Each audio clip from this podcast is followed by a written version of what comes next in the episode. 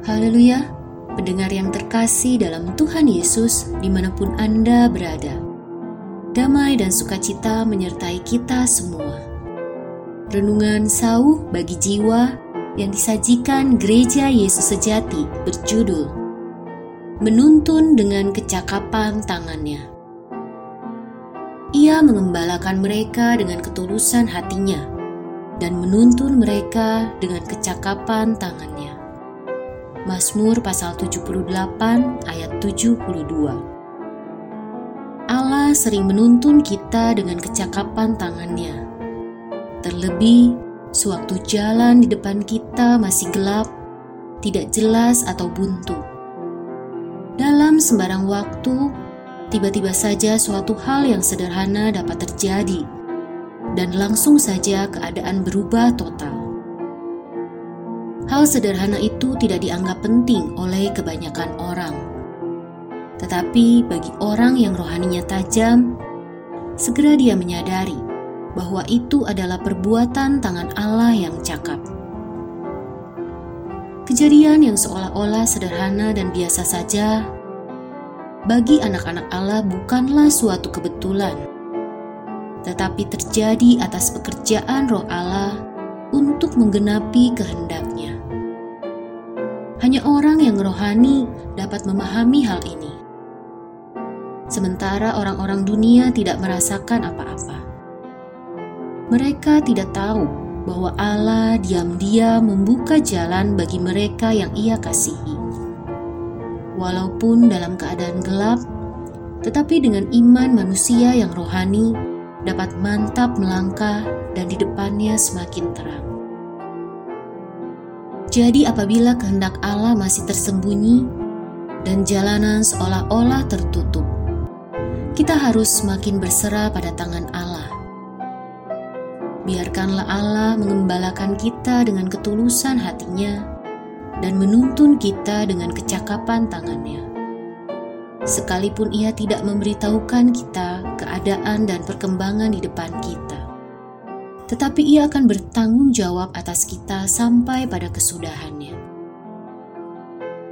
Hamba tua Abraham mendapat tugas untuk mencarikan seorang istri bagi Ishak.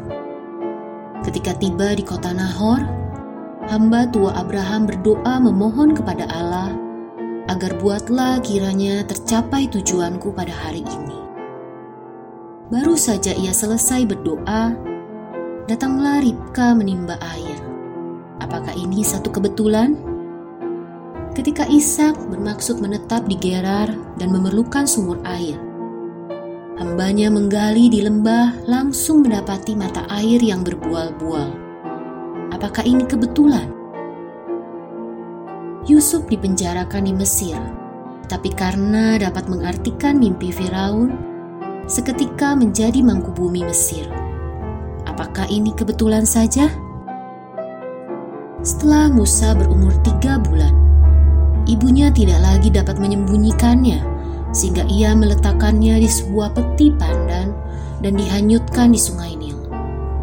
Musa lalu ditemukan oleh putri Firaun yang mengangkatnya menjadi anak. Dapat hidup di istana Firaun, belajar semua ilmu Mesir. Apakah ini juga kebetulan? Kita tahu setiap kejadian dalam peristiwa-peristiwa itu tidak ada satupun yang kebetulan semata, tetapi semuanya adalah oleh tuntunan tangan Allah yang cakap. Seperti seorang gembala, ia mengembalakan kawanan ternaknya dan menghimpunkannya dengan tangannya. Anak-anak domba di pangkunya, induk-induk domba dituntunnya dengan hati-hati. Yesaya pasal 40 ayat 11. Sungguh, kamu akan berangkat dengan sukacita dan akan dihantarkan dengan damai. Gunung-gunung serta bukit-bukit akan bergembira dan bersorak-sorai di depanmu, dan segala pohon-pohonan di padang akan bertepuk tangan. Yesaya pasal 55 ayat 12 Tuhan akan menuntut engkau senantiasa dan akan memuaskan hatimu di tanah yang kering dan akan membaharui kekuatanmu. Engkau akan seperti taman yang diairi dengan baik dan seperti mata air yang tidak pernah mengecewakan. Yesaya pasal 58 ayat 11 Dahulu Allah menuntun dengan tangan kecakapannya umat-umat kudusnya. Hari ini, ia juga akan menuntun kita dengan tangan kecakapannya. Tuhan Yesus menyertai kita semua. Amin.